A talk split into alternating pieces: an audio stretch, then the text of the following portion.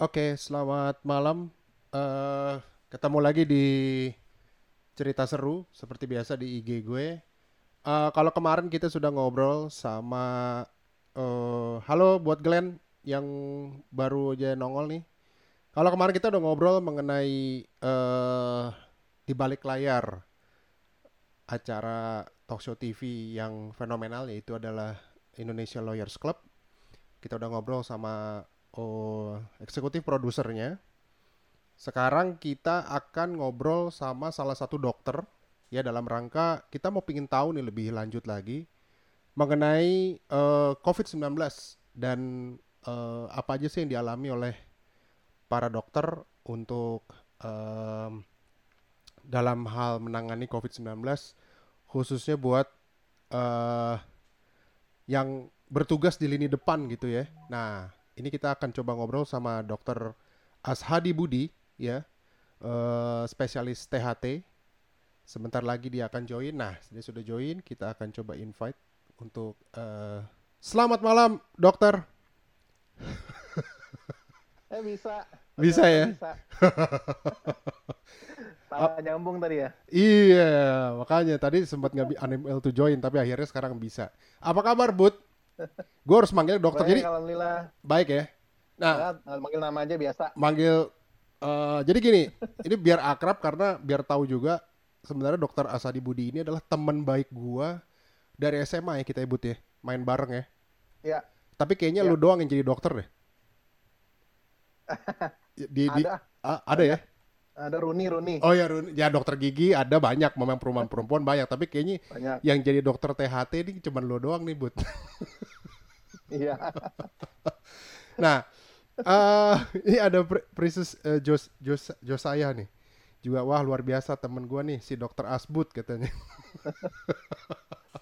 di mana Bud di rumah atau di mana nih? Di rumah lagi santai. Lagi santai Lagi ya. santai di rumah. Nah, jadi memang Ah. kem- eh, seperti yang udah kita obrolin kemarin, Bud. Ini kan malam ini gue sengaja ngobrol sama lu. Sebenarnya sih kita mau mau tahu lebih lanjut ya, bagaimana sih do- eh, para dokter ini menghadapi oh oh ini Joy ternyata Princess Josai itu Joy. Joy temen SMA kita juga. Iya. Nah, kita ping- Joy, apa kabar? baik lah kayaknya Joy eh, nganggon anak terus kayaknya dia tuh kalau di Facebooknya tuh. Iya. Nah, Bud, ini gue mau tanya nih sebenarnya sebelum kita mulai masuk ke dalam topik ya. Kenapa sih lu akhirnya bisa menjadi eh, dokter, Bud? Kenapa nggak yang lain gitu? Latar belakangnya gitu gimana sih, Bud? Latar belakang ya eh, dasarnya sih ya eh, awalnya memang karena orang tua sih, Pat. Oh, oke. karena orang tua ya awalnya memang hmm, karena memang memang eh, bokap memang memang eh, apa dokter THT ya jadi eh, awalnya sih beban judul judulnya tapi lama kelamaan nikmat Oh, gitu. lama kelamaan justru Nggak, malah malah Ke- Kenapa lu bilang Hmm. beban gitu? eh, Karena bokap lu su- berat bokap jujur. juga dokter Semua- THT semua- kan ya? semua- iya. Oh, Oke, oke, kalau oke, oke. dibilang dibilang mudah kan nggak pernah ada yang bilang oh jadi dokter tuh mudah nggak ada yang ngomong gitu jadi memang semua dokter pasti tahu nggak nggak nggak gampang untuk jadi dokter Eh, terus setelah jadi dokter pun juga gue dikasih dika- dikasih pilihan untuk untuk eh, mau spesialis apa gue tanya mau Hmm. bedah karena memang suka bedah Eh, tapi karena karena menghargai bokap juga gue masuk THT aja tapi Hmm. lama kelamaan sih justru malah berasa enjoy di THT Oh, oke.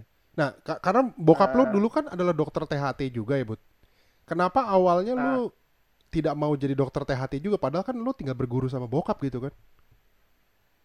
Ya betul. Ya eh, judulnya dokter itu kan sebenarnya eh, pekerjaan yang fleksibel sebenarnya Pak. Mm-mm. Jadi kalau kita bilang dokter cuman cuman cuman eh, praktek titik nggak nggak gitu juga sih. Jadi Mm-mm.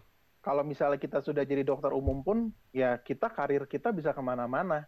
Oke. Artinya mau kita eh, karir sebagai sebagai eh, apa entrepreneur juga bisa. Banyak dokter yang justru malah agak melenceng. Tapi Mm-mm. kalau di bidang dokter pun juga bisa bisa eh, jadi macam-macam. Artinya bisa jadi uh, apa di misalnya dia nggak suka praktek, dia tinggal di ke, ke perusahaan Hmm, uh, untuk jadi jadi konsultan medis, medis ya. banyak. Hmm. Nah tapi kalau uh, uh, tapi kalau gue kalau gue sendiri uh, passion gue ya sebenarnya di bedah, di bedah. Ah. Dari dulu passion gue memang di bedah dari sebelum jadi dokter uh, umum sebelum dilantik. Hmm, hmm. Uh, tapi memang karena uh, karena bokap juga ngasih gambaran lo THT itu juga bedah gitu. jadi ya uh, uh, pada akhirnya justru malah malah uh, yang yang tadinya gue berpikiran oh gue mau jadi dokter bedah THT pun juga maunya yang yang bedah onkologi bedah plastiknya THT Hmm.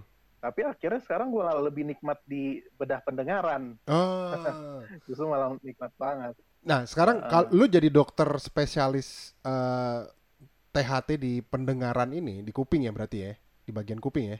Iya. Ah, ini udah berapa Ya. lama, Bud? Totalnya sampai saat ini?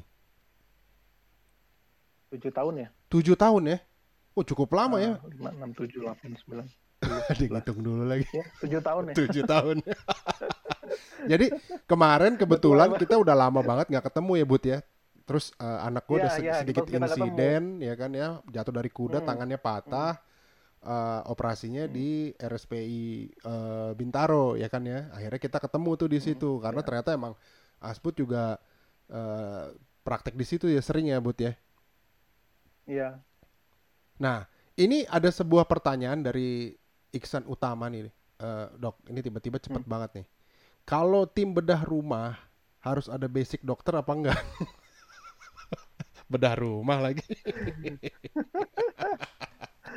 nah, dok. Jadi malam ini gue pengen bertanya sih eh, seputar COVID-19. Ini kan pasti banyak banget beritanya bahwa eh, ahli medis dan dokter berjibaku luar biasa ya dengan kasus yang tidak per- belum menurun sama sekali skalanya ya dan terus meningkat di seluruh eh, daerah di Indonesia. Sebenarnya Hmm. lo boleh ceritain dong apakah keadaannya memang segenting itu atau ini semua hanya berita media? Em, kalau ditarik dari dari berita sih sebenarnya ada benarnya ada enggaknya juga sih Pat. Oh Jadi gitu ya. kalau misalnya kita eh, ada kalau dibilang eh, ini ini eh, berlebihan, ya memang benar ada yang berlebihan. Hmm. Eh, kalau dibilang ini eh, misalnya kalau yang dulu-dulu kalau misalnya lo dengar cerita awal-awalnya COVID, ah ini flu biasa, Mm-mm. ini eh, ini bukan penyakit berat. Iya. Ya ada benarnya Pat, Mm-mm. ada benarnya, tapi banyak salahnya. Oke. Judulnya Ada benarnya ada banyak salahnya. Iya. Iya, karena karena ya judulnya gini, Pak. Eh, waktu kita ngelihat eh, kan kit- dokter kan kalau ber- berbicara kan juga baiknya berbicara statistik ya. Hmm, hmm, hmm. Artinya kita nggak bisa nggak bisa ngomong hanya ngomong pendapat eh, pendapat buta, pendapat perasaan aja. Nggak Tanpa bisa data gitu ya? itu. Ya, jadi kita tuh harus ngomong ngomong data, nggak data yang yang realistis. Hmm, hmm. Nah, kalau misalnya kita bilang eh, kalau kita ngomongin soal data, kita ngomongin soal eh, apa seberapa kita ngomongin seberapa bahaya dulu deh ya, Hmm, hmm. seberapa bahaya suatu penyakit, parameternya biasanya tiga. Oke. Eh, pertama, eh, seberapa mudah dia menyebar, Oke. artinya trans- transmission rate-nya. Terus eh, sewaktu orang kena, berapa eh, misalnya orang kena penyakit ini, persentase kematiannya itu berapa? Oke. Terus eh, yang yang eh, yang termasuk dalam perhitungan juga eh, asimptomatik eh, transfernya, transmissionnya. Hmm. Artinya kalau misalnya dia kena orang tanpa dia ketahui dia bisa men, me- me- menjangkiti Menyebarkan, orang nah. lain atau enggak Hmm. menyebar ke punya orang lain pada atau enggak. Hmm. Nah itu tiga hal itu ya di- otomatis diperhitungkan dan Hmm. memang eh, kalau kita bilang oh si corona ini sangat berbahaya Hmm. eh, dibandingin apa dulu? Oke. mau dibandingin apa dulu? Karena selalu harus ngomongin bandingin. Kalau dibilang berbahaya, ya berbahaya. Tapi dibandingin apa dulu? Hmm, hmm. Nah, misalnya kalau misalnya contoh yang paling yang paling em, mudah deh, yang paling mudah. Ya. TBC. Pernah Oke. dengar dong TBC? Hmm, TBC. Heeh. Nah, kalau sampai data yang gue ambil itu tang- tanggal 9 Februari 2020 eh, 9 Maret 2020 eh, data tuberkulosis, tuberkulosis itu masih lebih ber- berbahaya daripada dapat daripada uh, corona, Oke. coronavirus. Jadi lebih banyak kasusnya masih ya masih sebenarnya. COVID-19 ya. Mm-mm. Nah, COVID-19 TBC masih lebih berbahaya dan uh, sampai saat ini semuanya masih sepakat kalau MERS dan SARS pun juga jauh lebih berbahaya dibanding COVID-19. Oke. Tapi kok ini heboh istilahnya gitu ya? Hmm, Kok ini maksudnya heboh? ini bikin heboh semua orang nih kayak dari awalnya eh, menteri bilang tenang saja baik-baik tiba-tiba sekarang kok nggak Hmm. menurun rate-nya gitu ya. Nah ini gimana Ya, karena- menurut lo? Karena ini penyakit baru, Bat. Oke. Karena karena ini penyakit baru, artinya masih banyak yang kita nggak nggak nggak bisa yang kita nggak bisa uh, tahu tentang tentang penyakit ini. Mm-mm. Kebanyakan pun juga kalau misalnya kita punya data, datanya itu harus nembutin tanggal. Artinya, oke, misalnya tadi kayak tadi gue barusan bilang, uh, tuberkul uh, penyakit ini lebih nggak bahaya dari tuberkulosis loh. Mm-mm. terakhir Maret. Nah, apakah data ini sekarang berubah? Kalau sampai saat ini, kalau kita lihat eh, apa eh, dari datanya. eh, fatality rate-nya di dunia ya, Mm. sampai saat ini pun juga masih di bawahnya tuberkulosis. Oke, jadi tuberkulosis itu lebih banyak kasusnya di seluruh dunia dibanding dengan COVID-19 sampai saat ini. Sampai saat ini ya Oke. masih sa- sampai tahun ini tahun ini aja eh kalau tahun ini aja kalau bilang kita bilang kematian per hari eh masih masih lebih banyak masih TBC lebih ya? banyak kalau sam Mm-mm. nah jadi sedangkan TBC itu juga eh, Indonesia itu nomor dua dunia loh Mhm. Banyak ya kita ya Hmm, yang ya, terkena artinya- TBC ya. banyak Hmm, kita tuh or- orang or- eh, apa eh, nomor dua dunia dan eh, TBC itu bedanya apa waktu seseorang terkena TBC Mhm. itu nggak semudah COVID yang dia terkena, terus dua minggu tiga minggu langsung hilang, Hmm. hilang sendiri tanpa diobati. Oke. Kalau misalnya daya tahan tubuh kita kuat, nggak bisa tuh TBC seperti itu. Oke. Kalau seseorang itu kena, eh, kena dan dia terdiagnosis TBC, dia harus minum obat selama enam bulan sampai 9 bulan. Ada yang enam Hmm. bulan, ada yang 9 bulan. Artinya, artinya nggak semudah itu ngobatinnya. Ya, Nah, betul. Tapi ke- kenapa kok kenapa kok corona ini di eh, sangat sangat eh, jadi momok? Ya, Hmm. Karena pertama ini penyakit baru dan memang eh, dibandingkan dengan dengan TBC pun dia dia lebih menular. Oke. Dia Lebih cepat kan ya? Balik lagi. Transmisinya lebih cepat Mm-mm. gitu ya. ya, jadi artinya karena dia lebih menular, ya kita juga nggak bisa eh, semudah itu ngentengin penyakit sebenarnya. Hmm. Ya, artinya balik lagi ke situ. Ya prinsipnya sih seperti itu, Pak. Jadi karena karena eh, apa em, mm, eh, Penyakit baru, ya. sendiri, mm, penyakit baru dan ini kok penyakitnya cepat sekali eh, apa merepit sekali ke ke berbagai negara Hmm. dan eh, kenyataannya pun juga negara-negara yang Maju ya. itu oh negara-negara maju dan eh, sam- data sampai hari ini eh, udah tiga juta Yang meninggal di seluruh udah dunia tiga ya. juta orang Fatality-nya Eh, ya. yang, yang kena yang Hmm. kena Oh, yang kena ya? kena tuh di semua orang yang kena yang jumlah meninggal di seluruh dunia 200 ribu 212 ribu sedangkan Amerika sendiri sudah sudah satu juta dalam satu negara Yang terkena Nah, positif artinya, ya. yang positif. Nah, artinya memang banyak banget, memang termasuk banyak banget. Hmm, Wajar sih kalau misalnya kita harus hati-hati hmm. gitu kan.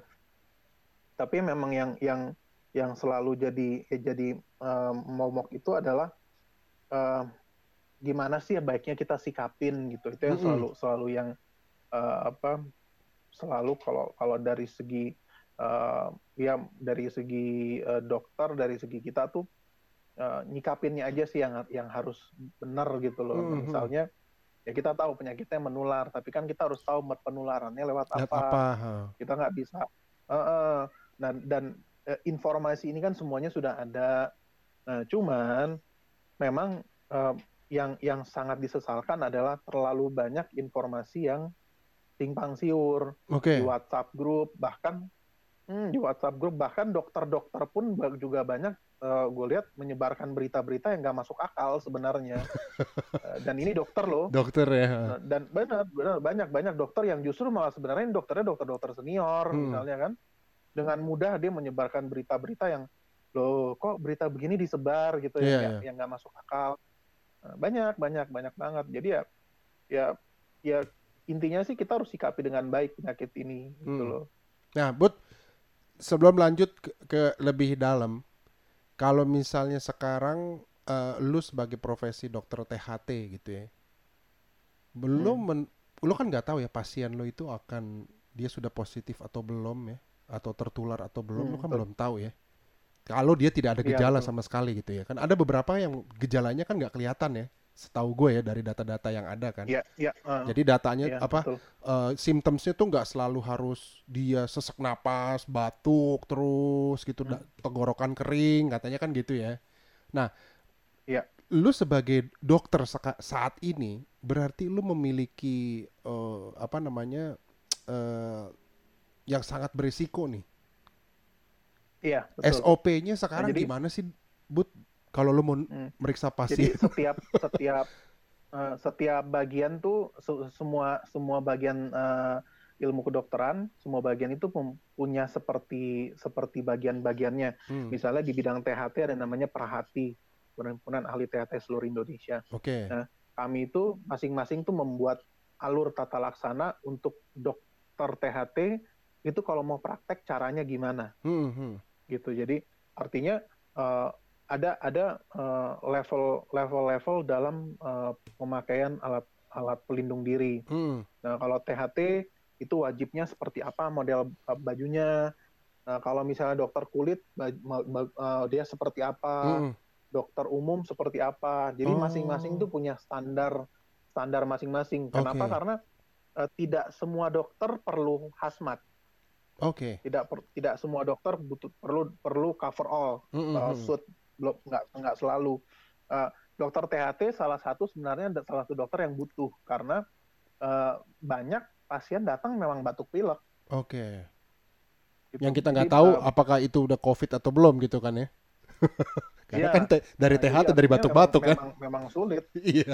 betul uh, memang sulit nah, jadi THT itu salah satu yang yang diwajibkan cover all nah Hmm. tapi kembali lagi ke rumah sakit yang yang uh, ada karena tidak semua rumah sakit uh, sistemnya uh, semua pasien boleh masuk Oke. Misalnya kalau di di di, ah, di rumah sakit gue misalnya ya gue gue tiga rumah sakit dan salah satu rumah sakit gue ada yang ada yang eh, apa pasien ini dipecah dua dulu.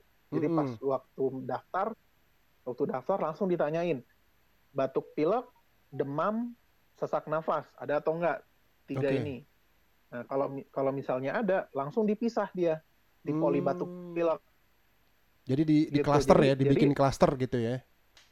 Ya, jadi ya otomatis THT yang ada di rumah sakit itu nggak perlu serius-serius banget kan? Hmm, hmm, hmm, hmm. gitu. Nah, tapi eh, tapi ya tetap kita ada alamannya minimal kita pakai level 2 untuk untuk eh, apa eh, pemakaian alat pelindung dirinya. Hmm. Standarnya tetap minimal dokter du- eh, level 2.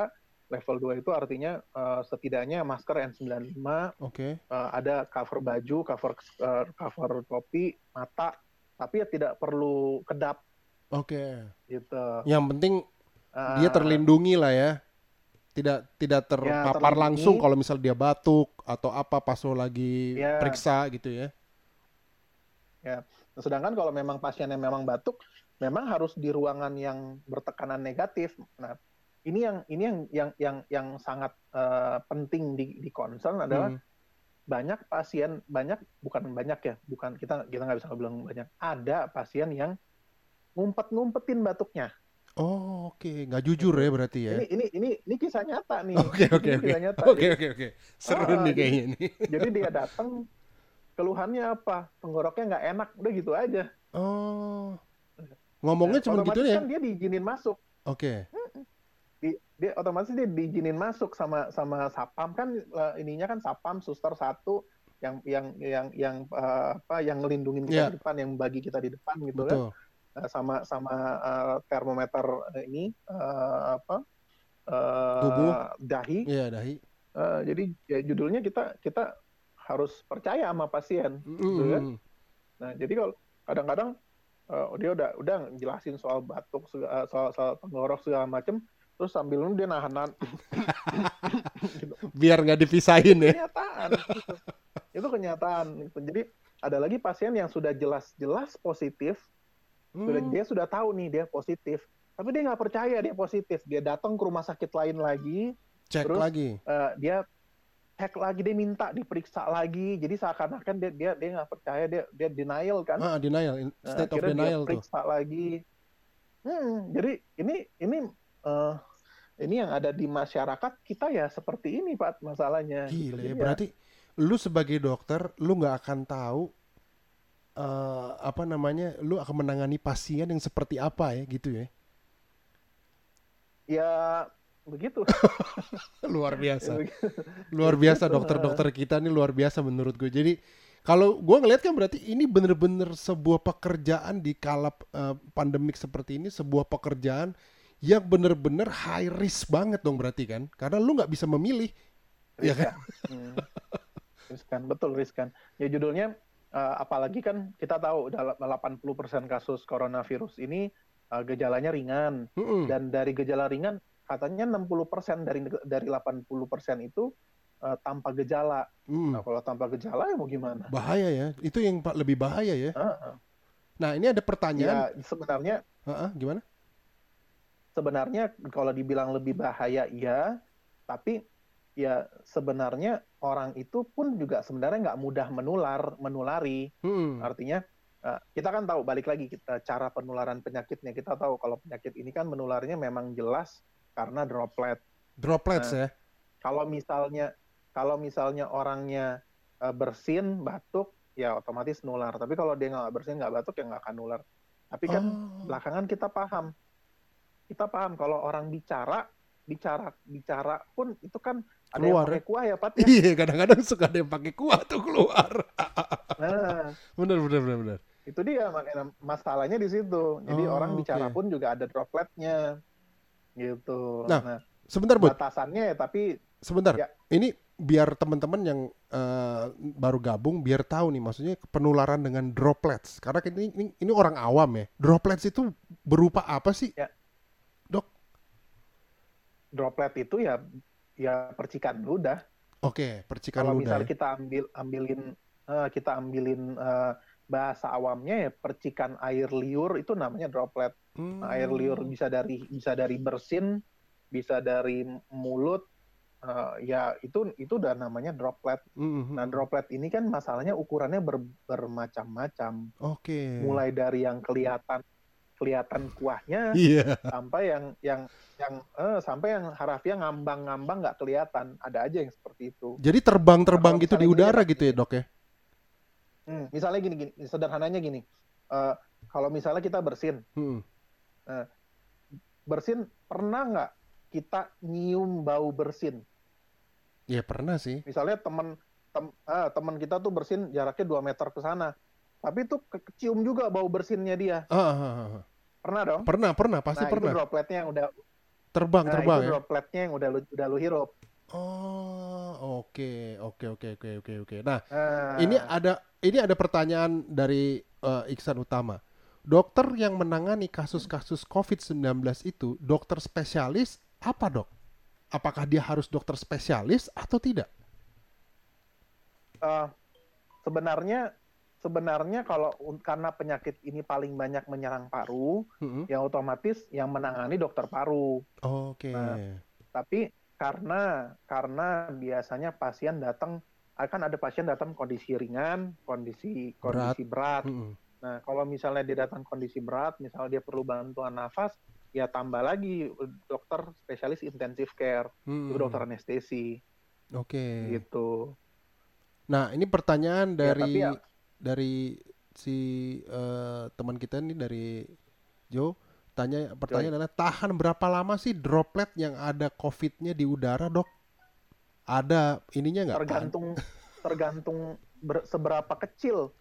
Jadi jadi kalau pernah dengar nggak eh, droplet itu bisa bertahan sampai 8 jam di di udara. Hmm. Pernah dengar ya? Iya pernah pernah itu infonya in- info. Pernah dengar Heeh. ya? Eh, itu itu itu nggak salah, Mm-mm. tapi dia ambil eh, maksimalnya Oke. gitu. Nah, eh, penelitian itu adanya eh, di Cina Mm-mm. itu memang meneliti virus COV-2 di mana di mana si si uh, virus ini diukur di kalau nggak salah di suhu 20 derajat Celcius. Mm-mm. Terus uh, karena waktu itu Cina kan musim dingin kan? Iya betul. Penelitian waktu ada itu Februari dia itu musim dingin. Gitu. Nah, Hmm. karena dia musim dingin ya otomatis ya dia bisa bertahan lama di di, di udara lebih dingin. Oke. Virus itu prinsipnya gini. Virus itu memang harus ada media. Mm. Jadi virus tuh nggak bisa ngambang-ngambang sendirian nggak ada temen, nggak bisa. Oh oke. Dia harus punya punya tempat. Hmm, dia harus punya tempat. Bagian dia harus tempat punya tempat. Beda dengan bakteri. Mm-mm. Kalau bakteri, misalnya kayak TBC misalnya, dia, bakteri itu cukup kuat untuk ngambang-ngambang di udara. Makanya di, kita Hmm. sebutnya airborne. Kalau kalau Airborne. kalau uh, TBC. Hmm. Tapi kalau misalnya uh, coronavirus, dia tetap aja perlu media. Nah, media ini tergantung lokasinya, Mm-mm. tergantung uh, misalnya kita di Indonesia. Indonesia suhu suhu udaranya sekitar sekitar ya 27 sampai 33 34 derajat 24, ah, Celcius. Ya dia lebih mudah mati.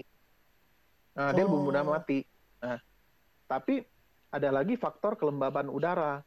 Karena waktu droplet itu kita, kita bersin misalnya, Mm-mm. droplet itu ngambang-ngambang di udara. Nah, yang memudahkan dia ngambang terus itu adalah faktor kelembaban udara. Oke. Semakin lembab udaranya, semakin lembab udaranya ya otomatis semakin semakin uh, mudah, Mudah, si, si si droplet itu untuk untuk bertahan lama. Mm-mm. Nah, tapi kalau ada yang bilang ada yang bilang gamblang pasti 8 jam ya agak susah juga jangan ya. ambil jangan iya j- istilahnya kayak kayak misalnya eh, eh, apa ini kita lagi ngomongin eh, eh, apa diskon 70% tapi up to 70%. Up to tapi yang di- 70%. dipantengin 70%. Iya betul ya betul. kurang betul. lebih kayak gitu, Pak. Kira-kira kayak gitu ya Eh, analoginya ya, Ya, gampangnya ya. Ya artinya memang memang kita bukan kita nggak perlu waspada, kita perlu banget waspada, tapi jangan terlalu berlebihan. Hmm, hmm, hmm. bahkan ada bahkan kadang-kadang gini Pak Eh, waktu waktu awal-awal terutama tuh ya kita di rumah sakit tuh belum disediain N95 Hmm, karena N95 waktu itu krisis tiba-tiba langsung Kosong. kosong banyak hmm, kosong. rumah sakit ke eh, rumah sakit kelabakan untuk nyari nah pasien gue gue pakai masker biasa Hmm. ya, masker bedah nah pasien gue datang pakai N95 Ke- Kerenan dia. nah itu loh Pak Nah, jadi artinya gimana ya? Kebalik ya, kebalik rasanya ya. tuh eh, ya jadi kita tuh rasanya tuh aduh kok jadi begini? Kadang kadang-kadang pasien datang eh, apa eh, pakai sarung tangan lengkap gitu kan. Hmm, Eh, ada yang lucu yang terakhir gue ke rumah sakit rumah sakit swasta Oke. eh, ada pasien datang udah lengkap tuh jadi dia pakai kacamata pakai masker N95 pakai sarung tangan Hmm. setelah dia pakai sarung tangan udah selesai dia mau makan dia makan pakai sarung tangan itu jadinya Sama aja bohong dong kalau begitu. kan kelihatannya konyol ya Iya, tapi konyol banget. loh Bat. Terjadi tapi itu ya. Iya, tapi ya terjadi makanya Wah, ya gile. Salahnya ya sal- kalau menurut gue sih salahnya itu adalah eh, kita tuh terlalu percaya sama WhatsApp informasi WhatsApp Oke. Yang belum tentu Terlalu informasinya benar gitu ya. Iya, kebanyakan kita kan tahu kebanyakan WhatsApp itu kan eh, tidak ada referensinya. Hmm, hmm, Jadi orang harus main percaya aja ya susah lah kalau seperti itu agak susah. Iya betul betul betul. Nah, eh, dok, gue mau tanya nih kalau, jadi eh, pernah waktu itu di satu satu sisi kita pernah mendapatkan informasi bahwa kalau Hmm. sehat tidak usah pakai masker, ya kan? Nah, pernah tuh iya, bilang itu gitu kan? Kalau sehat nggak usah pakai banget. masker. Nah, Hmm. kalau gua runut dari cerita lo tadi mengenai droplets, kayaknya lebih baik ke mana-mana pakai masker ya dok ya? Iya, Saat Jadi, ini ya? eh, memang memang memang gini Pak, Eh, bagaimanapun juga kita kan eh, ilmu kedokteran ini kan belajar, kita semuanya masih belajar ya Pak. Hmm, hmm. Apalagi ada virus baru, Iya. ada virus baru, kita tahu oh, ini virusnya virusnya memang droplet. Karena kita tahu banget virus ini droplet, ya kita bersikeras. Ngapain harus pakai masker? Memang Hmm. benar tuh nggak ada salahnya. Oke. Ngapain harus pakai masker? Nah, cuman permasalahannya kembali lagi orang kalau ngomong keras kebanyakan memang muncrat. Nah, muncrat eh, eh, nah, Bener, bener, bener. ini pun juga termasuk dalam droplet Iya. itu permasalahannya. Nah, uh, it- makanya gue sempat update di, di, uh, apa di di Facebook gue sendiri Mm-mm. uh, untuk jelas-jelas menyatakan kalau masker yang dipakai itu tidak bermanfaat untuk melindungi kita. Bahkan Mm-mm. misalnya kita pakai kita pakai uh, masker bedah pun, Mm-mm. pakai masker bedah pun masih ada 50% kemungkinan kita tertular. Ini terhirup masuk ya. Iya, Hmm. artinya kita udah pakai masker bedah pun kita masih masih ada kemungkinan untuk uh, tertular uh, virus apa pun. Nah, Hmm. terus ngapain kita disuruh pakai masker kain prinsipnya? Heeh. Karena targetnya masker itu bukan untuk melindungi diri, tapi tujuannya adalah untuk kita melindungi orang. Oh, oke. Itu itu tujuan utamanya. Jadi eh, tujuannya adalah untuk mencegah penularan yang terlalu masif. Mm-mm. Karena biarpun orang ini tidak bergejala, dia kan bisa menulari karena Betul. karena ngomongnya misalnya banyak banyak Kuahnya ya. misalnya. banyak kuahnya. Mm-mm. Itu- Eh, tapi kan benar gitu. Iya, Nah, iya. Karena pada akhirnya WHO ini ini kan datanya juga data WHO. Iya. Artinya WHO pun juga dari awal bersikeras kok. Masker hanya untuk orang sakit. Yang sakit, Gitu. iya Nah, betul. Ya, kenapa? Karena kenyataan masker itu gara-gara semua orang beli stok masker jadi berkurang. Hmm. Kami dokter susah nyari maskernya. Iya. Pada akhirnya kita yang benar-benar butuh pelindungan itu habis maskernya. Mm-mm. gitu. Mm-mm. Nah, karena itulah makanya di, di, di- sam- sam- sebenarnya sampai detik ini pun juga masih sebenarnya dinyatakan kalau itu eh, masker bedah tidak cukup untuk melindungi kita Mm-mm. gitu. Bahkan N95 pun N95 Ya. pun itu tuh masih ada 5% kemungkinan kita ter- tertular. Oke, jadi nggak ada yang 100% bener-bener mencegah dari virus ini Nggak terhirup. ada, Oke. nggak ada. Nah, makanya namanya N95. Hmm, hmm, hmm.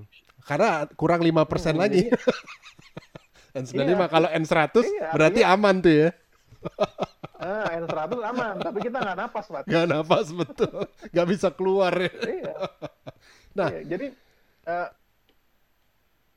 kenyataannya memang memang N95 tuh artinya gini, kan banyak ya. Ini kenyataan ini, ini juga sering gue dapat Hmm, hmm. pasien datang ke kita pakai N95. Iya. Oh keren deh pakai N95. Tapi yang di cover mulutnya, Waduh, hidungnya enggak. salah kaprah dong kalau kayak itu. Gitu, Pak. Kenapa? Eh, kenapa? Karena N95 tuh capek, Pak. Ngomong pakai Iya, N95 iya, apa? betul. Kita tuh dok- dokter tuh bicara ngomong harus pakai N95 tuh setengah mati Hmm. gitu loh. Jadi ya bernafas segala macam memang susah. Iya, iya, gitu. iya, Ya, ya judulnya judulnya ya memang sampai saat ini lebih baik yang butuh aja. Nah, Hmm. kok terus kok berubah? Ya karena kita tahu banyak orang yang tidak bergejala dan kita mau orang yang tidak bergejala ini tidak menularkan lagi. Ah, Gitu. Jadi setelah perkembangan Itu dari awal, perkembangan dari awal ya Bud ya, bahwa Nah. ad- kalau yang sakit itu pasti bergejala gitu kan ya. Perkembangan awal kan begitu kan ya, gejalanya panas, Enggak juga demam. sih sebenarnya Enggak juga ya?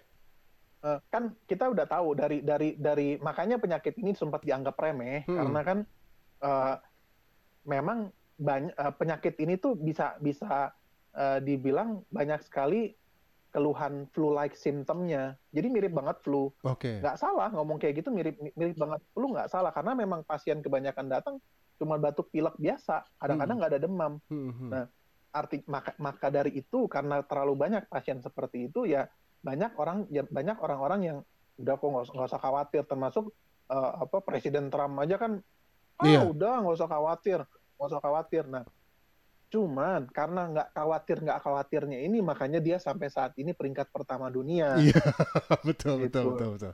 Eh, eh, jadi nggak bisa nggak khawatir nggak bisa tetap harus hati-hati Hmm. tetap harus dijaga. Nah, artinya kita ikutin aja prosedural apa yang apa yang ada gitu. Hmm. Jadi biar ya biarpun biarpun banyak yang konyol ya Pat, Iya. misalnya eh, eh, misalnya sampai sekarang gini deh. Eh, pakai masker di dalam mobil harus pakai masker. Iya itu dia Nah. tuh. Kalau nggak di, kalau nggak ditangkap Ah. bro, dikasih surat teguran. Eh ditegur, gue Ah. ditegur Pat. Artinya gue gue gue ditegur. Gue kan lintas gue kan rumah Jakarta Iya, Selatan. Lintas provinsi lo ya. Ah, ah, betul, betul. Nah, nah, masuk provinsi provinsi Tangerang eh, provinsi Banten ya gue gue gue nggak pakai masker dalam mobil kan Hmm, ya gue sendirian Pat hmm. kan gue sendirian Iya. Pat gue mau nularin siapa dalam mobil orang gue sendirian gitu kan Iya betul betul.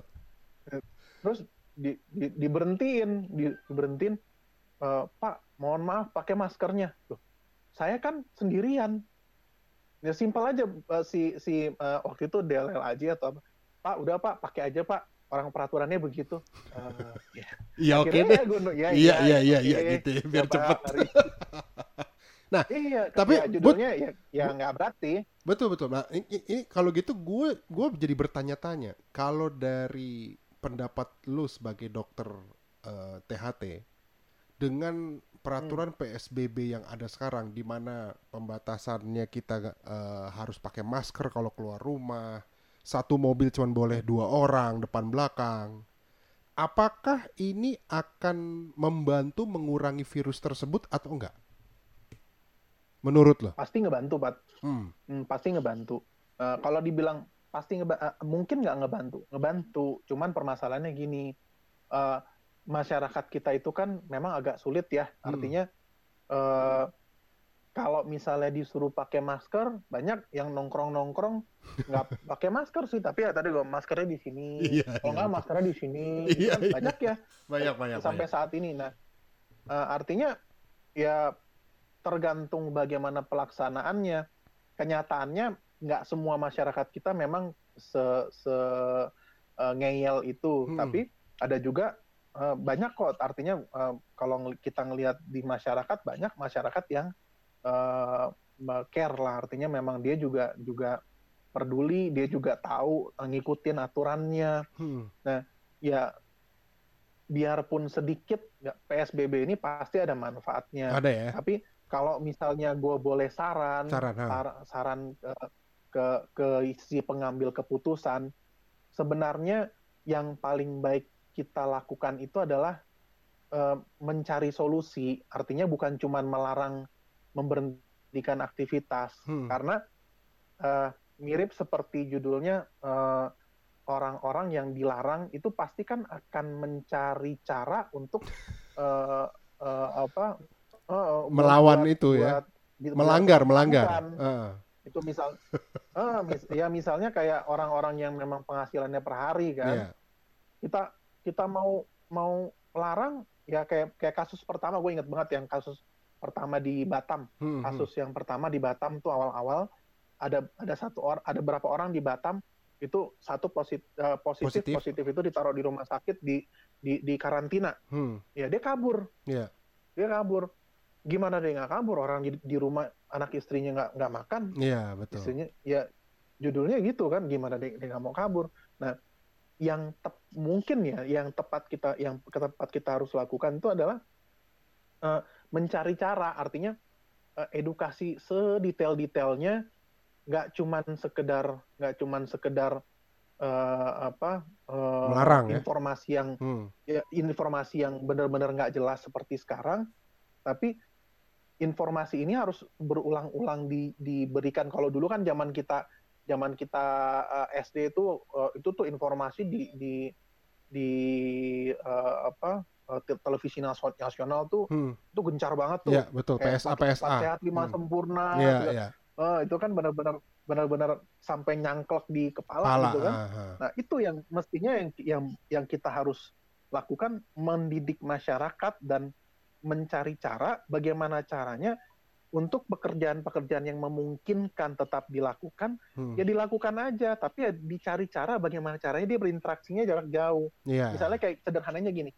eh, eh, kami para dokter salah satu salah satu orang yang yang eh, yang beresiko tinggi. Hmm. Apakah artinya kita tidak boleh praktek semua? Iya, betul, betul. Kalau seperti itu, ntar pasien mau nyari siapa? Siapa yang ngobatin? Artinya, eh, artinya apa? Solusinya dokternya pakai alat pelindung diri Iya. yang ketat, yang lengkap, gitu. Nah, Hmm. terus kayak misalnya kayak sederhananya gini, kemarin gue juga ini juga cerita cerita nyata. Eh, mau starter mobil, gue mau buat starter mobil, Pat. Hmm. mobil mobil gue mati, Hmm. nggak bisa di starter.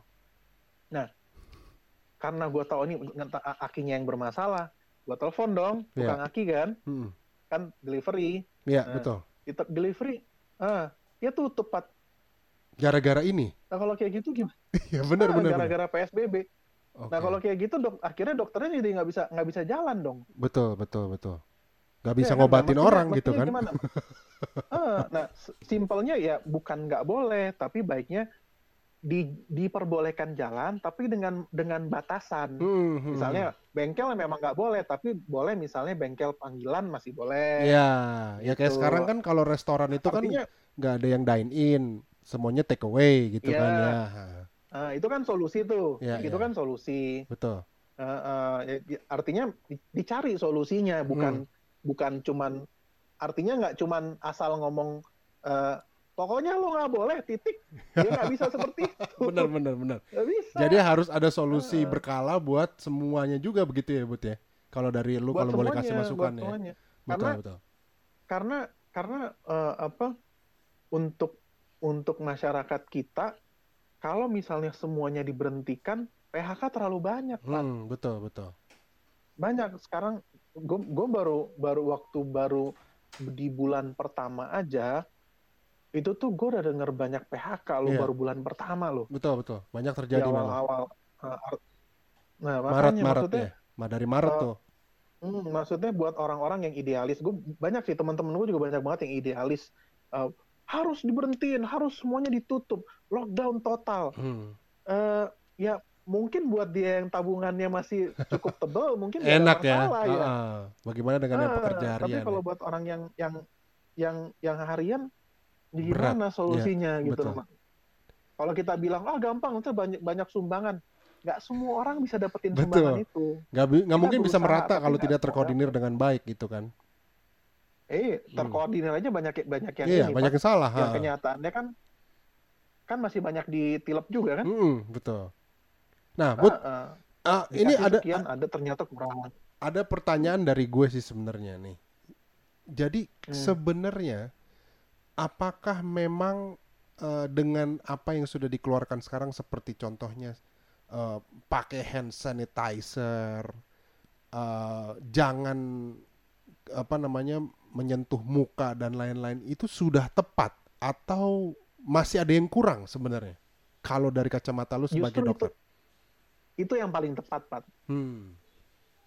Nah, jadi jadi simpelnya gini, eh, sampai sekarang sampai saat ini eh, rumah sakit gue juga banyak yang banyak yang eh, apa mem- memfasilitasi baju yang semi hazmat. Jadi Oke. benar-benar cover all, gue harus pakai pakai ini Iya. tertutup segini, pakai kacamata, Kacamata, pakai eh, double masker, double double handskun. Nah, tapi eh, kenyataannya banyak juga orang tertularnya itu bukan karena nggak pakai, Pak.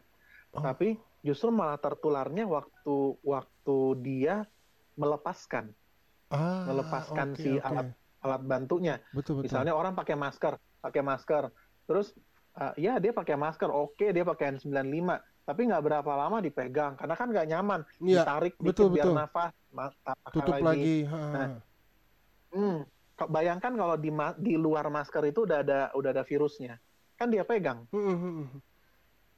Nah, kalau dia udah lepas maskernya, dia oke dia lepas. Terus abis itu dia sendiri setelah dia dia, dia pegang virusnya dia nggak cuci tangan. Iya. Ya kan ujung-ujungnya sama aja. Iya, Nah, benar jadi juga ya. sebenarnya memang untuk untuk diri sendiri cara yang paling tepat untuk menghindari terkena itu bukan pakai masker, Hmm. tapi cuci tangan dan jangan sentuh daerah wajah. Jangan ngupil mulu, Pak. Iya iya benar benar benar benar benar benar. Nah jadi Ah, kalau misalnya kalau mi, gue jadi pingin mendalami lagi mengenai si virus COVID-19 ini. Jadi kalau dia berada di contohnya nih gue gue pakai masker ya, gue pakai masker, habis itu Ah. di luar masker gue itu ternyata ada virus COVID-nya. Nah dia itu apakah akan di sana terus tanpa mati atau dia bisa berapa lama sih Bud bisa hilang di di apa bisa namanya? mati, Pak. Oke. Jadi bisa mati ya? Bisa mati. Jadi semuanya kembali lagi ke ini. Eh, bisa semua semuanya kembali lagi ke eh, eh, ke pernyataan gue yang sebelumnya Hmm. yang menyatakan emang iya dia up to misalnya di udara atau misalnya di permukaan kain. hmm. Kalau nggak salah tiga jam up to tiga jam di permukaan kain. Oke. Tapi bukan berarti pasti tiga jam. Hmm, hmm, hmm. Kalau misalnya dulu lo di lingkungan yang lebih lebih hangat dan di lingkungan yang kurang kurang lembab, Ya. ya otomatis virusnya dalam beberapa menit pun bisa aja mati, Oh, bisa aja. oke. Nah, tapi oke. kalau lo nanya, Pak, eh, Bud tepatnya berapa berapa lama? Ya gue nggak bisa jawab karena kenyataannya belum ada yang meneliti itu. Ah, Oke, ini ada pertanyaan dari Ah. teman kita nih, nama, eh, dari Glenn. Hmm. Dok, kalau perkiraan Hmm. dokter ini berlangsung berapa lama nih kira-kira untuk COVID ini? Untuk masyarakat Jakarta dan sekitarnya seperti sekarang memiliki tingkat disiplin yang rendah. Jadi bisa berlangsung berapa lama nih pertanyaannya? Menurut dokter Asadi Budi. Hmm, itu sih susah dijawab ya Pak. Ah, Yang pasti gini, eh, gua- lo kalau misalnya ngelihat eh, tren penyakit di berbagai negara tuh beda banget. hmm, Kurvanya itu ada yang kurvanya tuh landai, dia naik tapi naiknya pelan. ya, Dia naik tapi naiknya pelan sekali. hmm. Nah, ada panggilan nih. Dia eh, kurvanya sih naik, kurvanya naik tapi naiknya tuh pelan sekali Iya. kayak Singapura deh contohnya. Hmm, Singapura ya, Kurvanya naik sampai sekarang pun juga masih naik terus. Iya. Tapi dia naiknya pelan. Nggak langsung kalau statis kita lihat naik tinggi ya. seperti eh, kalau lihat kurvanya seperti itu ya judulnya bisa aja dia makin makin panjang bisa aja Oh. karena dia kenanya sedikit sedikit sedikit nah tapi kalau misalnya kita lihat eh, yang udah yang udah hilang deh misalnya Cina Hmm, Cina, terus New Nah, Zealand Cina, Cina ya. kan udah udah hilang nih Ya. Nah, udah hilang nah kalau dibilang Cina hilang karena dia dia menerapkan lockdown total kenyataannya gara-gara lockdown total ba- banyak yang buru-buru keluar loh Iya betul. keluar dari dari eh, wilayahnya Dari Wuhan ya. jadi nggak cocok juga. Nah, tapi kalau kita bercermin dari dari negara yang sudah memang sudah stabil, eh, contohnya Cina, nah dia itu kurang lebih tiga bulan. Oke. Jadi kalau Nah, tiga dia bulan, up to tiga bulan ya. Mestinya, Hmm. artinya mestinya tiga bulan. Kalau Cina kan dari bulan Desember sebenarnya, Iya Desember, ya. Desember, eh, Ja- Januari, Februari, Ap- eh, Maret. Nah Maret itu dia udah mulai stabil. April sekarang dia udah mulai buka semua Ya. tempat-tempat eh, eh, hiburan segala macam dia udah mulai buka. Ya, ya, Nah, ya. artinya kalau kita bercermin dari situ, Indonesia kan baru mulai ada kan bulan Maret. Ya. Maret, Ma- Maret ya benar Ya, ya. Maret, Maret, Maret. Kasus pertama itu bulan Maret kalau nggak salah. Nah, kalau misalnya kita lihat di Indonesia, ntar gue cari data yang lebih jelas nih. Hmm. Nah, nah, kalau misalnya bulan, awalnya bulan Maret ya mestinya bulan Juni selesai. Oke. Tiga bulan ya Nah, tapi kalau berarti. dibilang selesai total enggak. Mestinya mestinya kalau dibilang dibilang oh Juni itu artinya kita udah normal beraktivitas enggak. Hmm. Tetap kita harus hati-hati. Ya. Karena karena sampai detik ini pun di Cina pun juga masih ada kasus kan Iya betul. 10 sehari, Hmm. 10, 20 sehari. Itu, itu masih ada aja. Nah, artinya ya selama masih ada masih ada yang eh, kasus ada, ya otomatis tetap aja akan ada ada ada lagi. Artinya eh, dia dia kan bisa dari satu bisa jadi seribu Iya betul. gitu. Nah, artinya eh, masalah ini akan benar-benar selesai waktu vaksinnya sudah ada. Oke. Jadi sebelum ada jelas. vaksin tersebut, masalah ini akan Hmm. terus ada di dunia menurut lo begitu? Eh, bukan cuma terus ada, orang pun juga masih akan was-was. Oke. kan semuanya kan kembali ke semuanya kan kembali ke rasa aman ya. Hmm, hmm, hmm, Betul. misalnya betul, gini, eh, lo kan masih muda ya, lo masih muda. eh, eh, misalnya kita anggap lo lo lo nggak pernah punya asma, emang nggak pu- nggak punya, eh punya nggak ya? betul. Enggak, enggak, gue enggak ada Nah, asma jadi- gue. Eh, nggak ada asma, nggak ada riwayat merokok, artinya Hmm. benar-benar orang yang benar-benar sehat fit deh. Iya. Nah artinya kan kemungkinan orang ini untuk terjangkit yang gejala beratnya kan rendah. Hmm. Nah berarti kan lo punya rasa aman dong di Iya, situ kan? betul, betul, betul, betul. Gitu aja kan sebenarnya lo punya rasa aman. Hmm. Nah, seperti ini, ya jelas dia akan bertindak lebih cuek. Iya, oke. Nah, ngerti gue. Maksud Tapi ngerti. rasa aman itu akan 100% jadi sangat cuek waktu eh, sudah dinyatakan vaksin sudah ada. Sudah ada. Ah. Nah, Nah, sampai saat ini sudah belum ada, ya apakah selesai. sudah ada vaksinnya, Dok? Yang terakhir itu vaksin itu kan ada ada banyak ada banyak eh, apa stepnya tuh. Tingkatannya. Eh, artinya seperti bikin obat baru, kita kan nggak bisa main ngasih orang aja. Hmm. Nah, eh, kalau kita bilang penelitian, penelitian itu ada ada tiga fase. Nah, sekarang itu vaksin sudah sampai fase kedua, Hmm. sudah sampai fase kedua. Eh, yang gue dengar sih uh, bulan September mungkin sudah ada vaksin awal, belum Oke. vaksin massal. Oke. Hmm, Jadi cukup mungkin lama kata- juga ya? katanya sih begitu, tapi itu ini sih gua gua ngambil dari berita berita-berita nasional yang ada Hmm. eh, vaksin kemungkinan besar September sudah ada tapi judulnya vaksin awal. Jadi Oke. judulnya masih mungkin eh, vaksin-vaksin yang baru tepat selesai di di, di phase 3, fase Hmm. 3. Eh, artinya fase 3 kalau sudah di-approve itu artinya vaksin ini Sudah sudah, aman. dianggap aman dan Hmm. efektif. Hmm. Hmm. Eh, aman dan efektif. Nah, tinggal orang eh, vaksin yang eh, vaksin ini belum disebar ke masyarakat Iya. gitu. Nah, biasanya dia akan akan cari dulu negara-negara yang eh, negara ini negara-negara yang sangat-sangat butuh. Oh, Gitu. didahulukan mungkin ya. Amerika mungkin dapat duluan. Karena kasusnya lebih Kemungkinan banyak sekarang. bilang, Mm-mm. Iya, kemungkinan sih kalau gue bilang Amerika bakal dap- bakal dapat duluan. Iya, iya, iya. Oke. Mm-mm. Eh, dok, gue pengen tanya dok, kalau misalnya ini kita merimain teman-teman ya, karena ini nanti kan ini lagi gue record dan akan gue bikin jadi podcast nih kan ya, mudah-mudahan jadi bisa disebarluaskan sama orang-orang gitu. Nah, Ya. kalau contohnya sekarang masih ada banyak orang tua yang bekerja lah, ya kan shift-shiftan sekarang kan Hmm. dibat- dibatasi memang ya. Nah, di kantor itu kan kita nggak tahu bagaimana oh, siapa yang terkena atau siapa pun juga yang sehat gitu kan kita nggak bisa jamin meskipun sudah ada yang namanya eh, SOP lah ya kan kayak eh, termometer dan lain-lain gitu. Nah, Hmm. kasih tips dong Bud kalau misalnya let's say lu adalah bekerja, lu tetap bekerja, pulang ke rumah itu apa sih yang harus dilakukan duluan gitu? Apa semprot disinfektan di badan gitu kan? Atau langsung lepas baju di depan rumah gitu kan ya? Ini menurut lu Jadi gini, baiknya gimana Bud? eh, jadi semua kan tergantung jenis pekerjaan kita ya. Hmm, hmm. Eh, kalau eh, untuk orang yang bekerja yang seperti kami para dokter, di mana eh, memang ketemu orang banyak Ya. dan kita nggak bisa tahu orang ini kena kena atau enggak. Ya. Nah ini berlaku buat orang-orang yang misalnya eh, bekerja sebagai misalnya dia sebagai eh, sapam Ya. atau misalnya dia intinya intinya dia dia akan menerima orang lah Hmm, hmm. atau eh, resepsionis. Ya. Nah, hal pertama yang dia harus ada adalah dia di- di- kalau kalau kalau misalnya kalau gua da- dari gue sendiri Ya, ya, ah, dari lu gue sendiri. keluar keluar dari rumah. Kalau kayak gue, gue keluar dari rumah, gue dengan dengan baju sekarang bajunya ini Hmm, kaos. hmm. Dulu kan dulu dulu tuh dokter kita tuh kalau pakai kaos nggak sopan ya. Ya, ya, ya. Nah, kalau sekarang nggak. Jadi sekarang gue justru pakai kaos. Kaos ini biar bisa gue double. Oh. Gitu, jadi- kalau gue sendiri pribadi, gue masuk rumah sakit itu ada rumah sakit sudah menyediakan baju yang memang baju itu dicuci di sana, Hmm, hmm, hmm, hmm.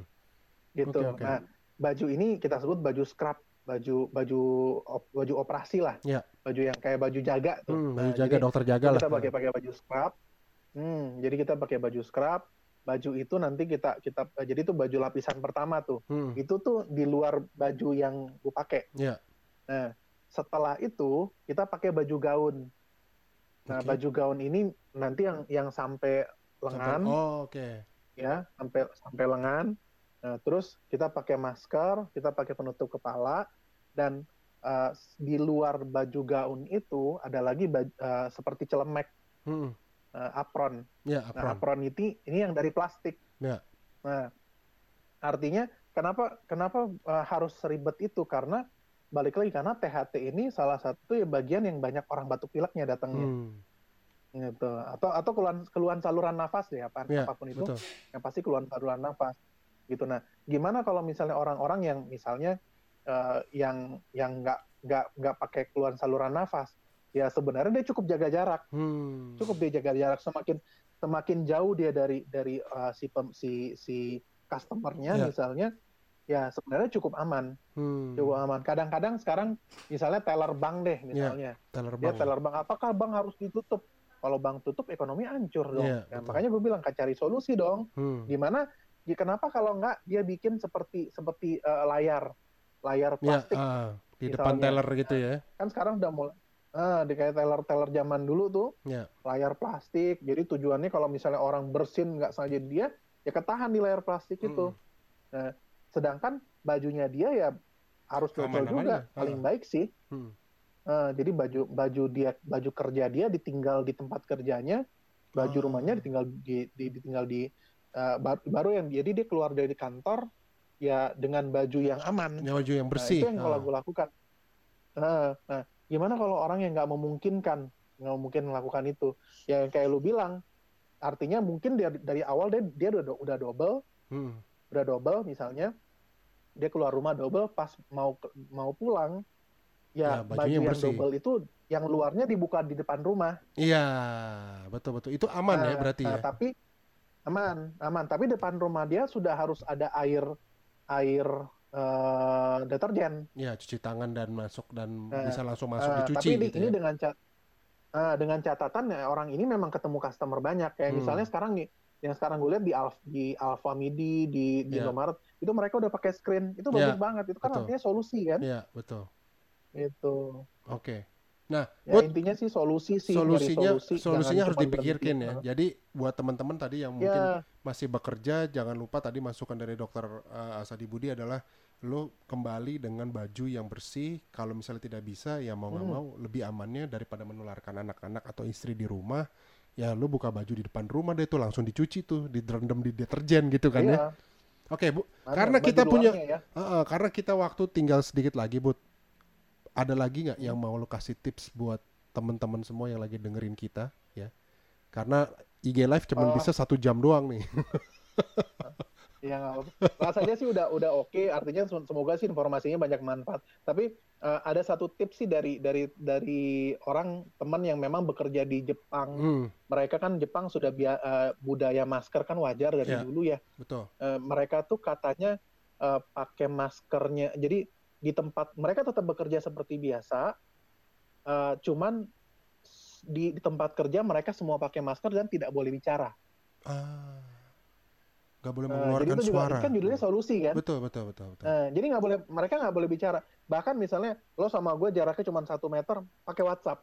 ah bener juga solusi Nah, tuh itu solusi. iya iya iya, bener bener, Makanya gue bener. bilang cari solusi, jangan jangan cuma berhenti aja. Iya, iya, iya, Gitu. iya, iya, iya. Oke, oke. Keren-keren, Bud. Thank you banget nih buat waktunya. Gua rasa obrolan ini nanti akan dijadikan podcast. Kita bisa sebarluaskan ke orang banyak untuk menjadi sebuah edukasi yang luar biasa buat kita sama-sama. Ya, Nah, semoga bermanfaat. amin, amin, amin. Thank you banget ya, Bud. Atas waktunya, thank you Ya. banget. Eh, sudah meluangkan waktu Ya, untuk ngobrol sama gue. Kita ketemu lagi nanti kita nongkrong-nongkrong ya, abis covid ya. Ya. Oke, brother. ya, thank you banget ya, Ya. Bud. Thank you banget. Yuk, yuk, yuk. Bye bye. Oke, thank you Bye. banget buat uh, Sari Budi. Kita akan ketemu lagi uh, minggu depan di cerita seru. Thank you, Pati Perkasa signing out. Bye bye.